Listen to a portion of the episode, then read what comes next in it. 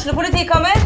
Ine Jansen er purk. Er du purk? The motherfucking bitch. Alt jeg vil, er å finne ut hva som skjedde med mannen min. Jon Carew. Er jeg sikta for noe? Iben Akeli. Det er du. Ole So, Lars Berrum og Big Daddy Karsten. Hvem sin side er du på, egentlig? Anette Hoff, Tone Danielsen, Kommer du fra Afrika?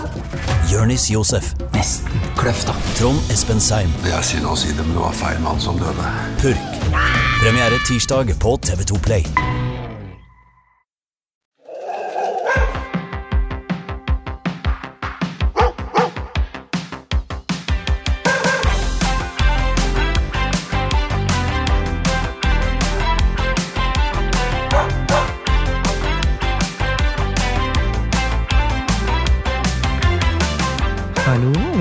Tilbake til Hunder på Toten. Linn og Stine, her. Her er vi i dag òg. Og i dag så skal vi ta for oss et tema som, eh, som jeg veit engasjerer ganske mange. Ja. Eh, spesielt, eh, ikke minst, oppdrettere. Mhm. Men også vi som kjøper hund. Ja. Og vi tenkte òg at vi skulle gå litt inn på dette her som handler om eh, Fordi noen ganger så kjøper man seg jo en hund, og så noen ganger så er man jo fòrvert. ja.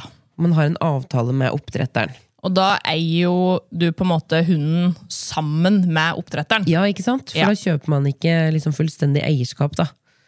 Eh, Så det skal vi høre litt om i dag, og derfor så Altså, dette kan ikke du og jeg snakke om.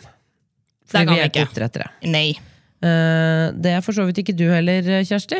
Nei, Men eh, du er advokat. det stemmer.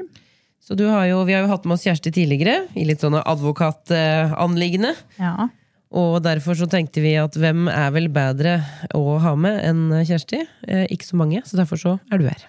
Å, takk og takk. Er jeg den som har vært på podkasten flest ganger? Utenom dere, da. Eh, ja, du var med på bæsjeepisoden. Husker dere bæsjeepisoden, eller? Ja, da, Husker er- bæsjeepisoden. Helt Hvis dere ikke har hørt den, så anbefales det på det sterkeste. Ja, absolutt. Absolutt. Ja. Det var en, det var en morsom seanse. Ja. Det, den glemmer jeg aldri. Tenkte faktisk på den bæsjen som jeg la i kjøleskapet her om dagen. Ja, det skjønner jeg. Jeg tenker også på den gummibæsjen din Gummibæsjen. ganske ofte. Tyggegummibæsjen, faktisk. Tyggegummibæsjen. Ja. Ja. Hubba bubba bæsj. Veldig ubehagelig å høre om, faktisk. Eh, men vi hadde også en annen episode som du var med i. Og det var jo den her med dårlig hundehold. Eller hva er liksom dårlig hundehold? Vi snakker litt om det. Dårlig og ulovlig hundehold. Yes. Forskjellen på det. Mhm. Så det her er jo da tredje gangen du er innom det. Yes. Slenger innom, du. Det er bra. Det er ikke sikkert det blir den siste. Mest sannsynlig ikke. Nei. Nei. Men du, Kjersti. Det her med å selge en hund. Mhm. Da er det jo veldig ofte man skriver under på en kontrakt, eller altså man som oppdretter gir ut en kontrakt, og man som kjøper skriver under på den. Mm. Hva er det som er viktig å ha med seg i de typer kontraktene? Eh, nei, det er jo en rekke forhold som er smart å ha med. Man må jo ha med hvem som er selger og kjøper, selvfølgelig. Eh, og gjerne kontaktinformasjon til begge de. Eh, så burde man ha med hundens navn, registreringsnummer, ting som kan identifisere hunden generelt sett. I tillegg så burde man ha med f.eks. kjøpesum, man burde ha med overtakelsesdato, når skal hunden hentes. Det kan være spesielle vilkår som burde være til stede, f.eks. at hunden skal ses på av en veterinær eh, før den leveres. Det er jo ganske vanlig. Og det er jo litt for å hindre at man kjøper selvfølgelig en syk hund. I tillegg så kan det være aktuelt med depositum. Det kan være forhold som eh, regulerer hva mangel, hva, hvordan kan du reklamere dersom du tenker at eh, det er noe feil med hunden. Det kan være angrerett hvis det er aktuelt. Eh, Så det er på en måte en rekke forhold som burde være med i en sånn kontrakt. Og så er det selvfølgelig noen forhold som kanskje er litt mer valgfrie. Sånn type, Er det noen begrensning på avl, eksempel, eller konkurrere med hunden? Den type ting. Mm. En hund er jo beregna liksom som en ting Mm. når man kjøper og selger. Uh, vi, når vi kjøper forskjellige ting da, uh, i Norge, så har vi jo angrerett på 14 dager. Åssen er det med hund? Altså, angreretten vil jo Ehm, det kommer litt an på, fordi altså, man kan kjøpe hunden som privatperson, men så kan man jo se for seg en situasjon hvor man kan kjøpe den som eksempel næringsdrivende også. Da. Eh, I utgangspunktet så er det jo ikke noe angrerett sånn sett mellom næringsdrivende når man kjøper noe. Nei. Ehm, sånn at eh, eh, utgangspunktet det er jo på en måte at det er avtalefrihet. Hundeområdet er jo et litt sånn spesielt område, fordi noen oppdrettere de har på en måte ting veldig formelt. De har et firma, den type ting. Mens noen selger valpene mer som privatpersoner. Ja, det er litt forskjell, ja. Ja. Og det, det gjør jo også, i min mening, at man burde ha det um, så klart som mulig i avtalen hvilke vilkår er det som gjelder på en måte i din situasjon. Fordi du kan fort komme i en situasjon der den ene parten oppfatter for eksempel, da, at det er en angrerett på si 14 dager, og så kan den andre parten sitte med en helt annen mening. Sånn at eh, det er jo noe jeg anbefaler at eh, man ser på, selvfølgelig spesifikt i den situasjonen. Er det for det første næringsdrivende på en eller begge sider? Eller er det privatpersoner? Skal man ha angrerett, eventuelt hvor lang? Eh, det kan man spesifisere i avtalen. Og så er det klart, som sagt, er det f.eks. en næringsdrivende og en privatpart, så vil det sette enkelte føringer for hva slags type angrerett og sånn man kan velge. Men utgangspunktet er jo at det er avtalefrihet i Norge, og det betyr jo at man kan avtale egentlig det meste seg imellom, eh, med visse få begrensninger, da, selvfølgelig. Jeg tenker det er jo Eh, litt kjipt hvis det er 14 dagers angrerett, og så etter 14-13 dager da, så syns man at det er fryktelig kjipt å stå opp om natta. Ja. ja. For. Men da tenker jeg at da burde du kanskje ikke ha en hund i utgangspunktet. Ja, det det burde det du aller helst tenke gjennom i forkant. Ja. Ja. Eh, dersom du skal bruke en eller annen form for angrerett i en sånn type kontrakt, så vil det jo være eh, naturlig at det er en angrerett kanskje som er knytta til for eksempel at du har valgt feil valp heller, da. Altså ikke Ja. at du innser at eh, å ja, det var litt slitsomt å stå opp, og den beit litt mye og sånn. Det er jo kanskje en mer realistisk situasjon, ikke sant. Fordi eh, og igjen, det kommer jo veldig an på situasjon til situasjon. Noen oppdrettere vil la deg velge fritt valp fra et kull, mens andre vil tildele valp veldig til den enkelte kjøper.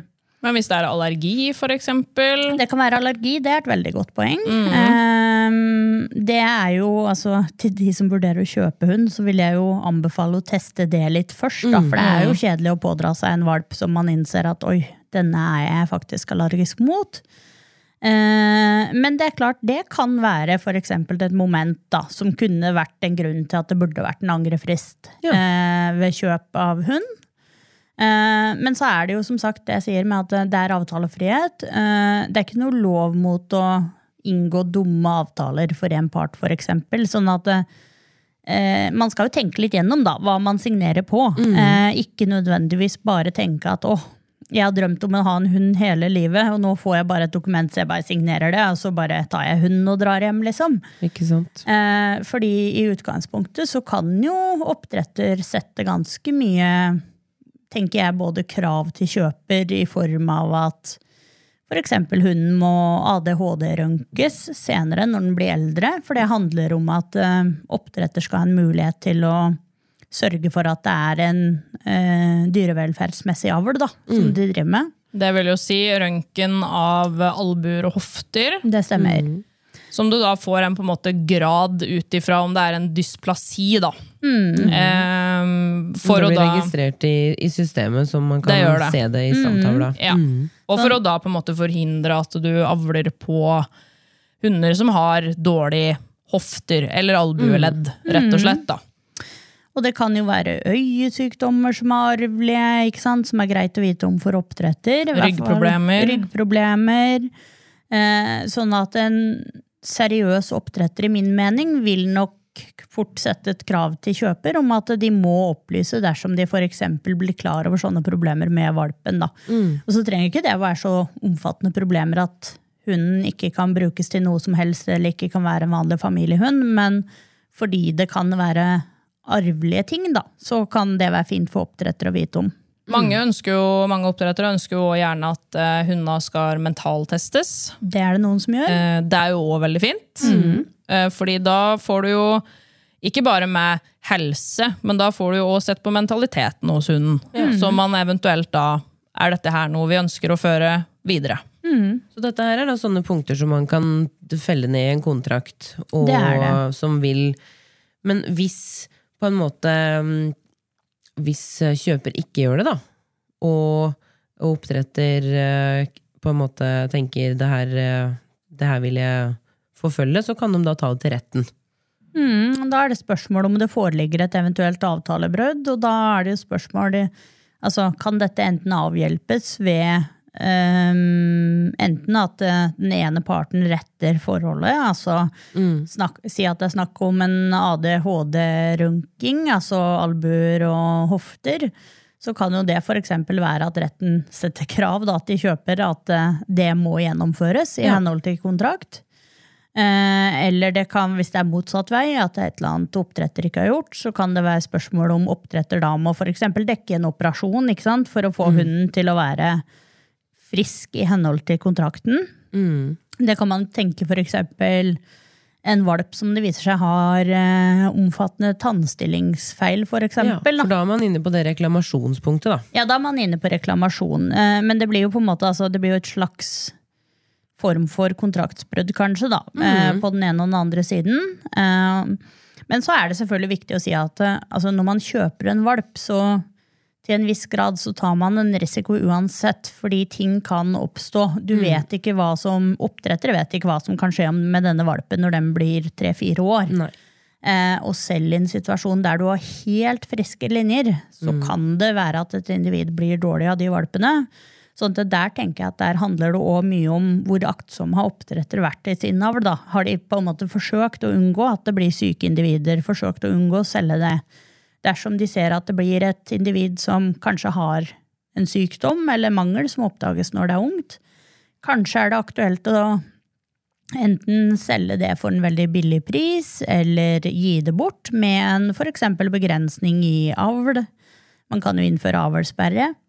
Mm. Det kan være en begrensning i forhold til kan hunden delta i konkurranser. Kanskje har den noen ryggproblemer da, for eksempel, som gjør at den burde ikke delta i konkurranser. Eh, og den type ting. Så spørsmålet er på en måte eh, Har du en rimelig grunn til å liksom stille et vilkår? I utgangspunktet da blir det òg stående dersom det blir en tvist i retten. Fordi det må være et veldig urimelig vilkår for at det skal kunne liksom lempes bort da, Ja. i henhold til avtaleloven. Hva kan være et urimelig vilkår, da? Ja, det er et godt spørsmål. Jeg har prøvd å tenke litt på det. Eh, problemet med å si, svare på det, det er at alle situasjoner er så ulike. Eh, sånn at eh, eh, på en eller annen måte så kan jeg nok se for meg at de aller fleste vilkår kan være rimelig, gitt at du har det og det oppfylt i forkant. på en måte, Ikke ikke sant? Altså, du kan se for deg at eh, det kan være naturlig med avlssperre dersom eh, det f.eks. er sånn at det er mye sykdom på individene i linjene, den type ting, så ønsker man ikke å videreføre de linjene. ikke sant? Nei. Som sånn privatperson og valpekjøper, så tenker jeg sånn Jeg har hørt enkelte Enkelte um, eksempler på det som jeg tenker kanskje er et Eller som jeg kunne tenkt har vært et urimelig vilkår. Da, det at man må betale en viss sum for avlsrettigheter når man kjøper en hund til full pris. Ja.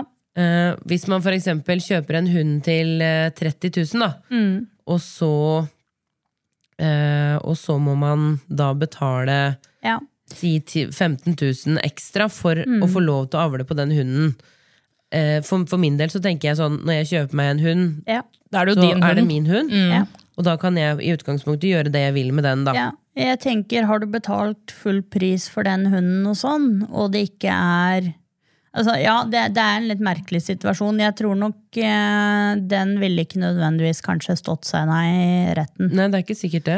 Eh, fordi, som du sier, da, du har kjøpt en hund. Utgangspunktet er jo at du disponerer denne hunden fritt til det du ønsker. Og så For det blir jo min eiendom. Det blir det jo. Eh, og så selvfølgelig så kan det være gode grunner til at eh, det foreligger enkelte begrensninger, men da vil jo det gjerne kanskje også reflektere prisen, da, når du Ja, kjøper hunden. Nettopp. eh, ved at prisen blir lavere Ja. enn det som er snittet, da, markedssnittet. Ikke Ja. sant? Um, sånn at um, jeg syns jo det høres ut som en veldig merkelig praksis, og jeg ville jo ikke kjøpt en valp på de betingelsene. Nei, ikke jeg heller. Jeg har bare hørt om det, også, som nevnt. Men Ja. eh, men ja. Så det her med kontrakter, da, både for oppdretter og for kjøper, er jo veldig, det er jo en trygghet. Det er det absolutt. Um, og sånn som du snakka om eh, innledningsvis her, så var det jo at hunden da skal ha et registreringsnummer, at det skal på en måte stå på kontrakta. Det vil jo si at reinrasa hunder, eh, der kan du jo eh, Du sender jo inn liksom kullet og registrerer deg inn i NKK, som er en norsk kennelklubb. Der får du jo på en måte eh, Hva er det det heter? Det er jo liksom en base. Dogweb. Dogweb, ja. Der liksom alt liksom samles, der du kan se eh, linjer langt bakover. ja, du kan se stamtavler, du kan se resultater både på konkurranse, helse Ja, og, men, Sånne ting. og om det er, hun er mentaltesta, der har du liksom en oversikt, så du kan gå tilbake og se. Eh, og legge deg liksom et sånn, en tanke. da, ok, Her er det faktisk eh, god helse. Det kan jo alltids oppstå noe, det veit en jo aldri, men her har du en god oversikt. Men hvis du har blandingshunder, så vil jo ikke det si at du ikke kan registrere dem i NKK. Fordi Nei. det kan du jo òg. Så hvis du er oppdretter, så kan du alltids registrere valpa, men da må du NOx-registrere dem.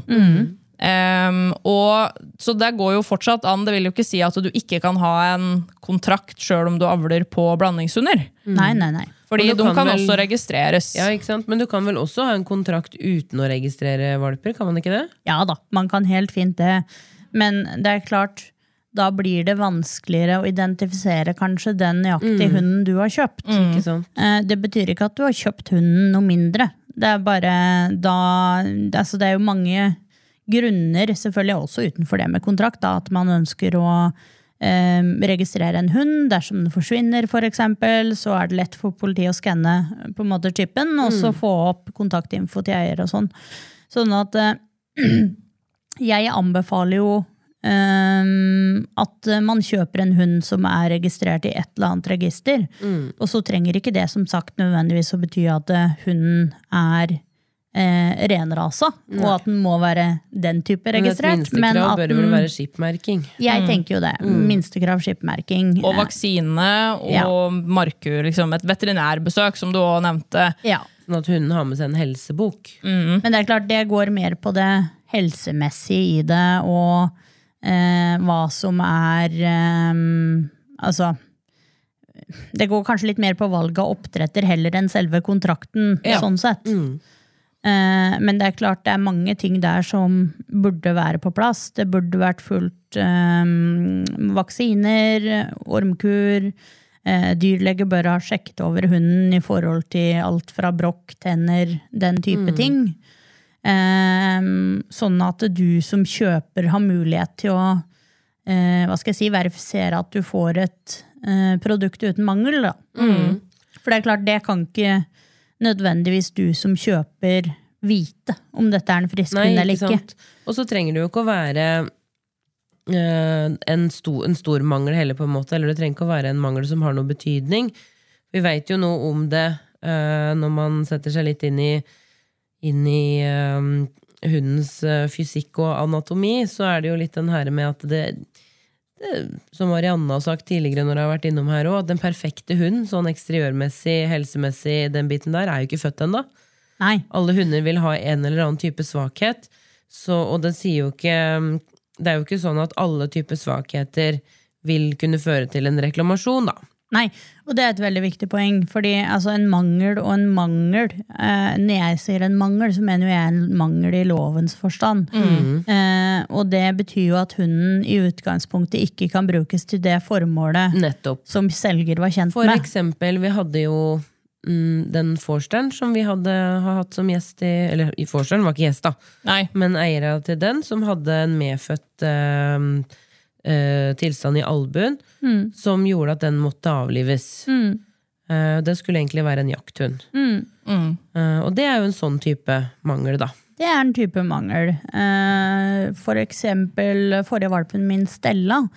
teknisk sett så hadde jo hun antageligvis en mangel allerede i det jeg fikk henne, med Ja. at hun hadde en eh, Nå var vel ikke det nødvendigvis en øyeskade, men en eller annen form for hudlidelse, allergi, et eller annet lignende. Eh, nå er det ikke aktuelt for meg, eller for meg personlig så var ikke det aktuelt å anføre noe mangelsklag der, for jeg visste at oppdretter hadde gjort sitt beste. Jeg visste at oppdretter hadde avla på friske linjer, mm. eh, og at mest sannsynligvis så var det rett og slett skikkelig uhell. Eh, og da, da tenker jeg at da da er jo litt spørsmålet, ikke sant? for da har jo ikke selger vært i ond tro. på en måte. Altså, selger har ikke hatt noen underliggende motiver for å selge den valpen til meg. Jeg fikk til og med lov til å velge hvilken valp jeg ville ha. Sånn at det er jo jeg som til og med har valgt meg akkurat den valpen. Um, og da tenker jeg at da, da blir det mer vanskelig ikke sant? å vinne fram med en uh, eventuell mangelsklage. Fordi um, selger kan ikke opplyse om noe de ikke har vet om eller har grunnlag Nei. for å vite om. Nei, det kan de jo heller ikke. Det er jo umulig. Ja. Noen ganger så har den jo skikkelig skikkelig uflaks. Ja. Hunder er jo individer, og vi kan jo ikke styre hva som, hva som skjer. Men det er sånn, sånn som allergi, da, det er jo veldig vanskelig å på en måte se når de er så små òg. Men en skeiv tannstilling blir noe annet. Det blir noe annet.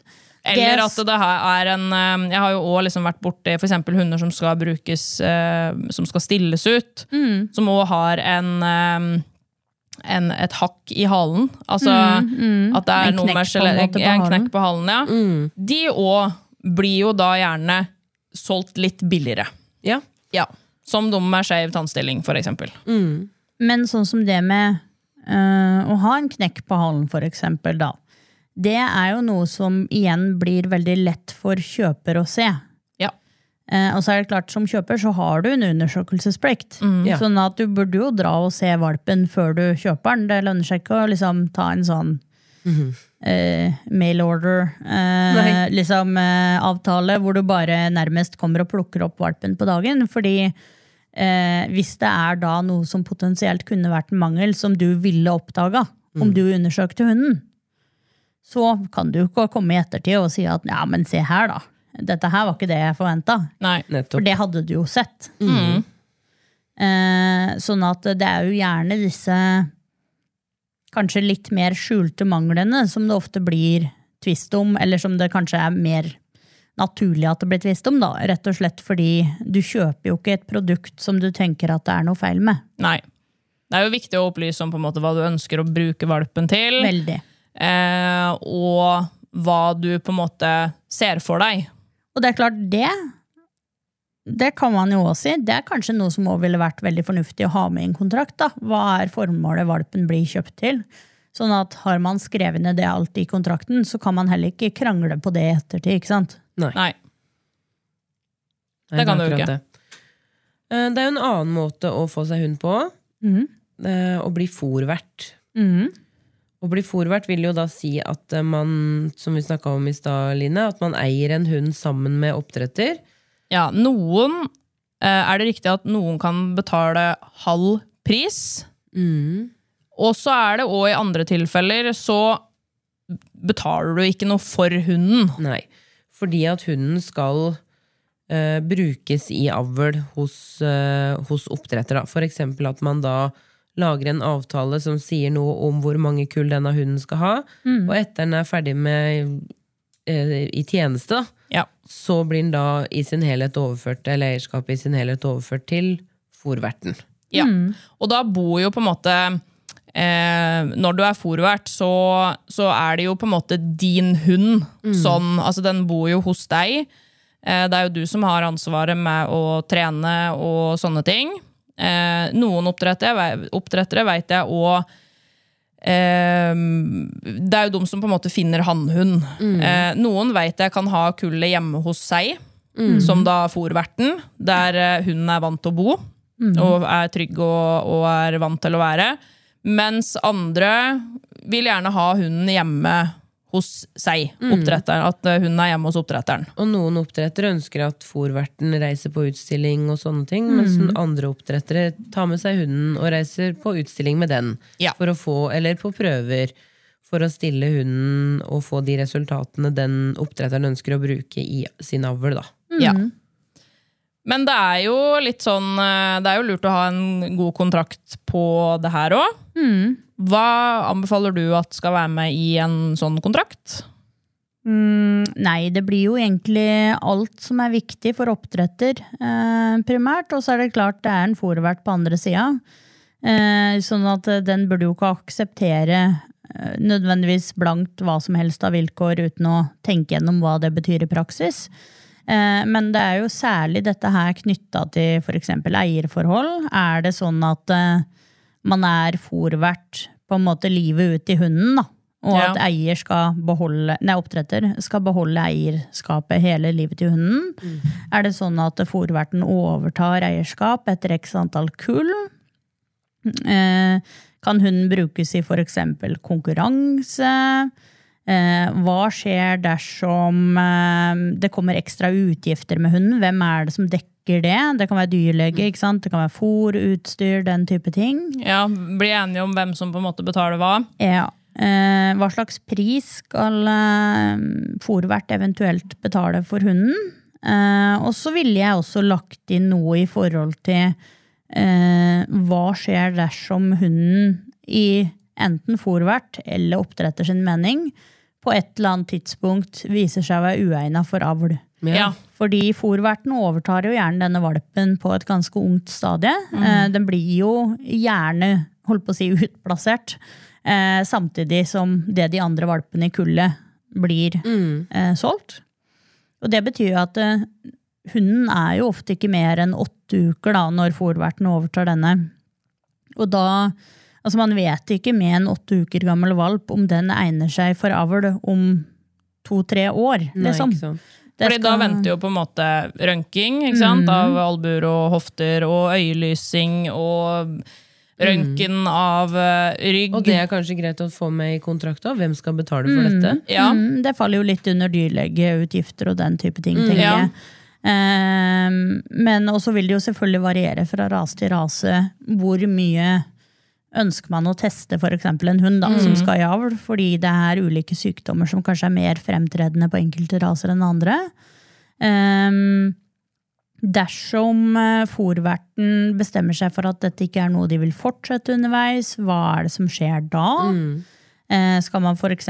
ha en oppsigelsesperiode, eller noe lignende det, på en måte? Eh, hvor skal kullet være, som sagt, når hunden får valp? Det er jo absolutt eh, greit å vite. Eh, særlig kanskje med tanke på at når en hund får valp, så skal den jo ha ganske mye ro rundt seg de første ukene. sånn at det er jo ikke alle husstander sånn sett som er så egna for det. Um, og så kan det jo være særegne forhold som er viktige for den enkelte oppdretter eller for den enkelte fòrvert, som kan være greit å ha inn. Og der må man jo på en måte litt tenke litt på sin egen situasjon, tenker jeg. Eh, hva er viktig for en selv i hundeholdet, ikke sant? Og her har vi jo vel i en litt sånn sone hvor det kanskje fort kan oppstå en eller annen tvist eh, med Ja, hvor lang tid tar det å ha et kull, da? Den, eh, eh, den eh, tispa er drektig i ca. 63 dager. Mm. Og så skal den ha valpa i åtte uker. Mm. Så skal de levere, så det er ganske lang tid eventuelt da borte fra fòrverten, da. Der tror jeg nok òg folk praktiserer det litt ulikt. Altså Noen tar en tispa kanskje en ukes tid, to ukers tid før mm. hun i utgangspunktet skal få valpene. Noen vil kanskje ha tispa der hele eh, perioden går riktig, eh, og den type ting. Så igjen, der tenker jeg at der må man tenke litt gjennom hva er best for hunden, rett og slett. Eh, fordi det er klart, er det et veldig stressende miljø rundt tispa, så vil valpene bli påvirka av det allerede før de er født. Og det vil jo igjen senere påvirke deres mulighet til å håndtere stress i livet. Sånn at de aller fleste vil jo ha antageligvis minst mulig forandringer, minst mulig stress rundt hunden i perioden fra den blir drektig da, til valpen eventuelt flytter ut. Men eh, det er klart, en hund som kanskje kjenner oppdrettet fra før av, har vært der flere ganger, så er det jo ikke nødvendigvis noe problematisk for den å komme dit og være der en periode. Ikke sant? Så det som kanskje høres ut som det er viktigst her, er vel forutsigbarhet for alle parter, da. Det er viktig å liksom få inn eh, Det oppdretter i hvert fall syns jeg er viktig i en fôrvertsavtale. Eh, hvor mange Er det noen spesielle føringer på hvor mange kull? Det er det absolutt. Og der, altså, der er det klart det er jo noe eh, maksanbefalinger og sånn, eh, sånn rent dyrevelferdsmessig. Men det er jo klart, det er ikke nødvendigvis sett at oppdrettere ønsker å makse ut den kvota på en måte uansett. Så igjen, der tenker jeg at jeg òg vil se an rasen lite grann. Fordi det er noen raser så er det å føde et kull det er en ganske mye mer belastende ting enn andre raser. Da, rett og slett pga. hvordan de har blitt avla. Så der tenker jeg at der må man òg eh, tenke litt på hva som er kanskje dyrevelferdsmessig smart å gå for sånn sett, da. Og det kan jo ende opp i noen til verste tilfeller så kan det jo ende opp med keisersnitt. Absolutt. Eh, og så er det jo noe med eh, hvordan du på en måte skal pare tispa. Noen blir jo inseminert. Eh, og så det er jo liksom ja, hvem skal ha med seg um, Skal eier, for, eller fòrvert, eksempel, være med når uh, hunden skal møte hannhunden, på en måte? Så det er jo ganske mye sånn som en må tenke på, egentlig. da. Det er det. Så det er egentlig generelt sett det å tenke på hvem har ansvar for hva når, og hva skjer om man blir uenig. Det tenker jeg at det er liksom de to linjene da, som er det viktigste. Ikke sant? Altså En hund som f.eks. skal brukes i avl, da, så vil kanskje noen oppdrettere at den i tillegg til utstilling skal eksempel ha resultater fra konkurranser. Da. Det kan være jaktprøver. Type, ikke sant? Mm. Det forutsetter jo litt at eh, den som er fòrvert, trener hunden innenfor dette aktuelle feltet. Hvis ikke så vil den jo ikke bestå en eh, jaktprøve Nei. senere. Ehm, og da, da er det klart at da burde det ligge klare føringer i den fòrvertavtalen i forhold til hvordan uh, hunden skal trenes. Men så er det klart så kan man tenke at man kommer i en situasjon der um, man ser at fòrverten f.eks. ikke klarer å trene hunden godt nok da, til å oppnå de resultatene oppdretteren eh, ønsker. Hva skjer da? Er det da sånn at uh, fòrverten f.eks. må delta på noen kurs med den og den uh, instruktøren for å f.eks. få input, da, for å kunne gjøre en bedre jobb? Hvem skal da dekke de kursene i så fall?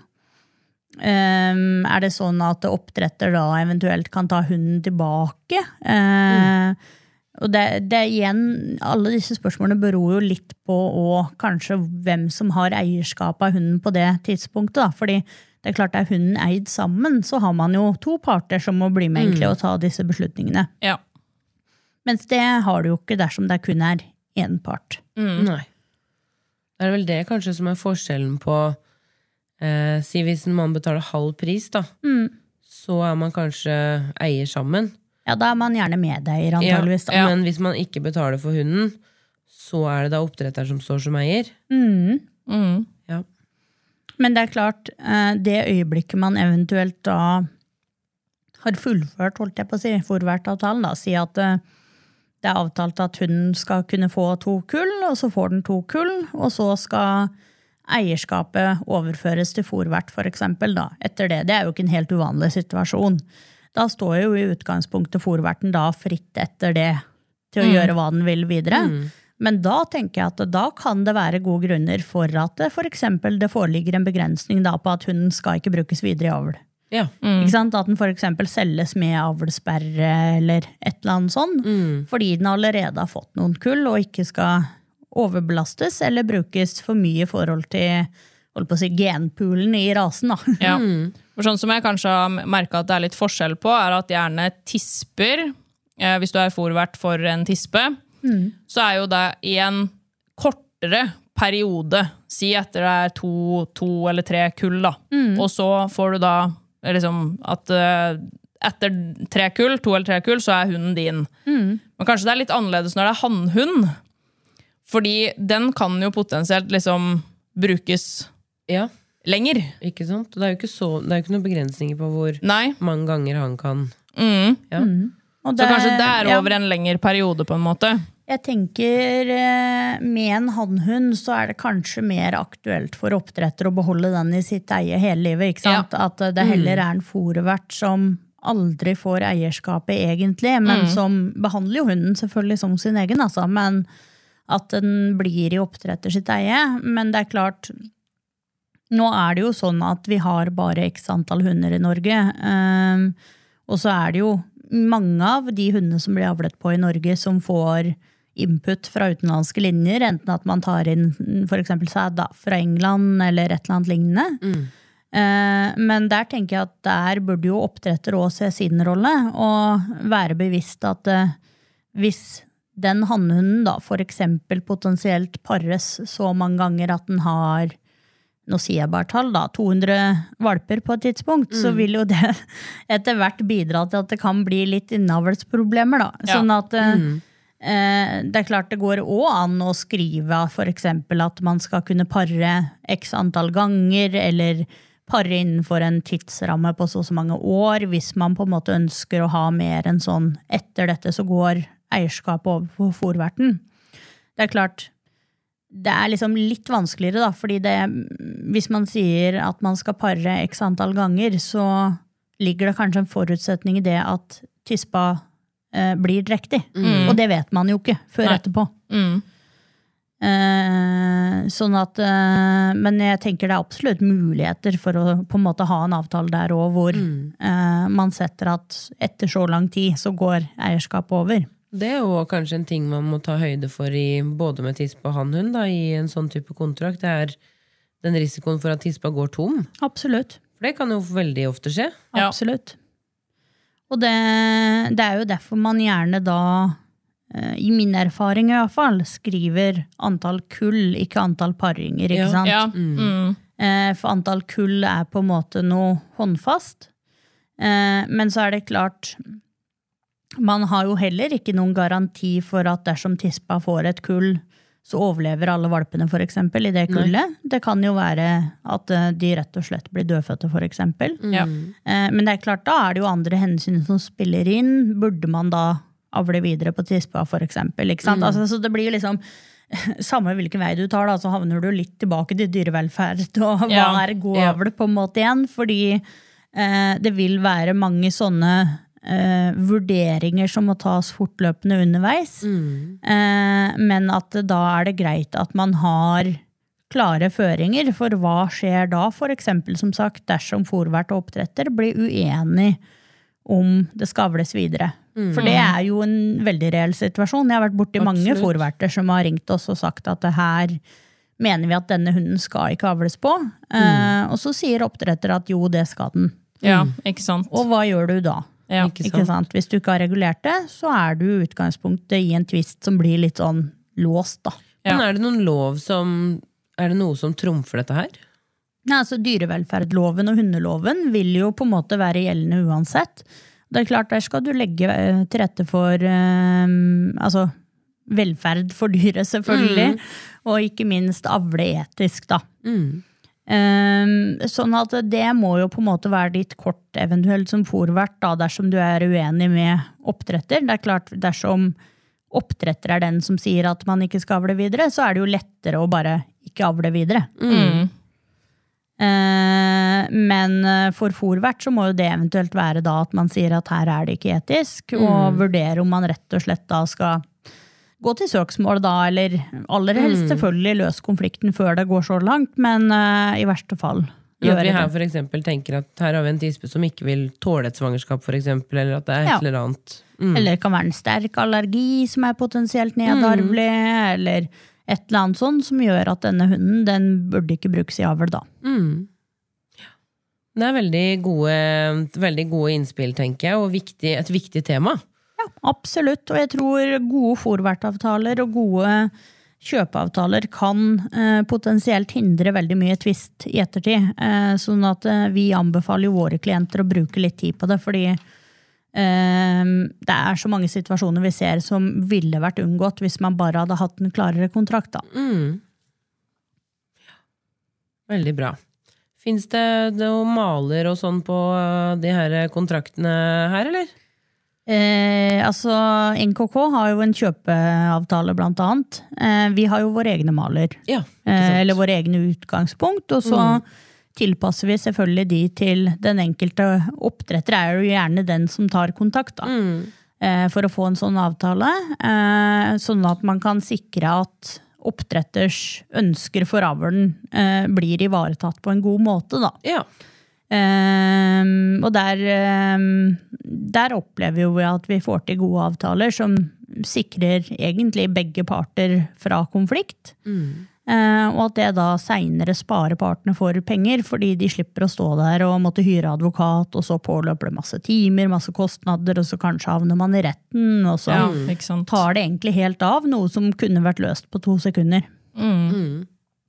Så er du oppdretter, så er det lurt å ha gode kontrakter. Absolutt. Rett og slett. Helt klart. Nei, men bra. eh, dette var veldig bra Absolutt. å få vite litt mer om. Det er jo et viktig, viktig tema å, å snakke om, og kanskje et tema som ikke så veldig mange tenker på. Nei, det er jo en veldig liten del på en måte, kan man tenke på, da, det å ha en hund. Men kan i noen tilfeller vise seg å bli ganske viktig. Da. Ja. Det er akkurat det. Kjempebra. Du, Kjersti, tusen takk for at du kom tilbake. Takk for meg. Du skal ikke, skal ikke være redd for at vi spør deg en gang til, for det kan hende. Vi gjør. Nei, bare gjøre. Bare vær forberedt. Hundeadvokatene stiller opp, vet du. Ja, så bra. ja, ja. Veldig bra. Ok, takk for i dag. Takk for i dag. Ha det. Ha det.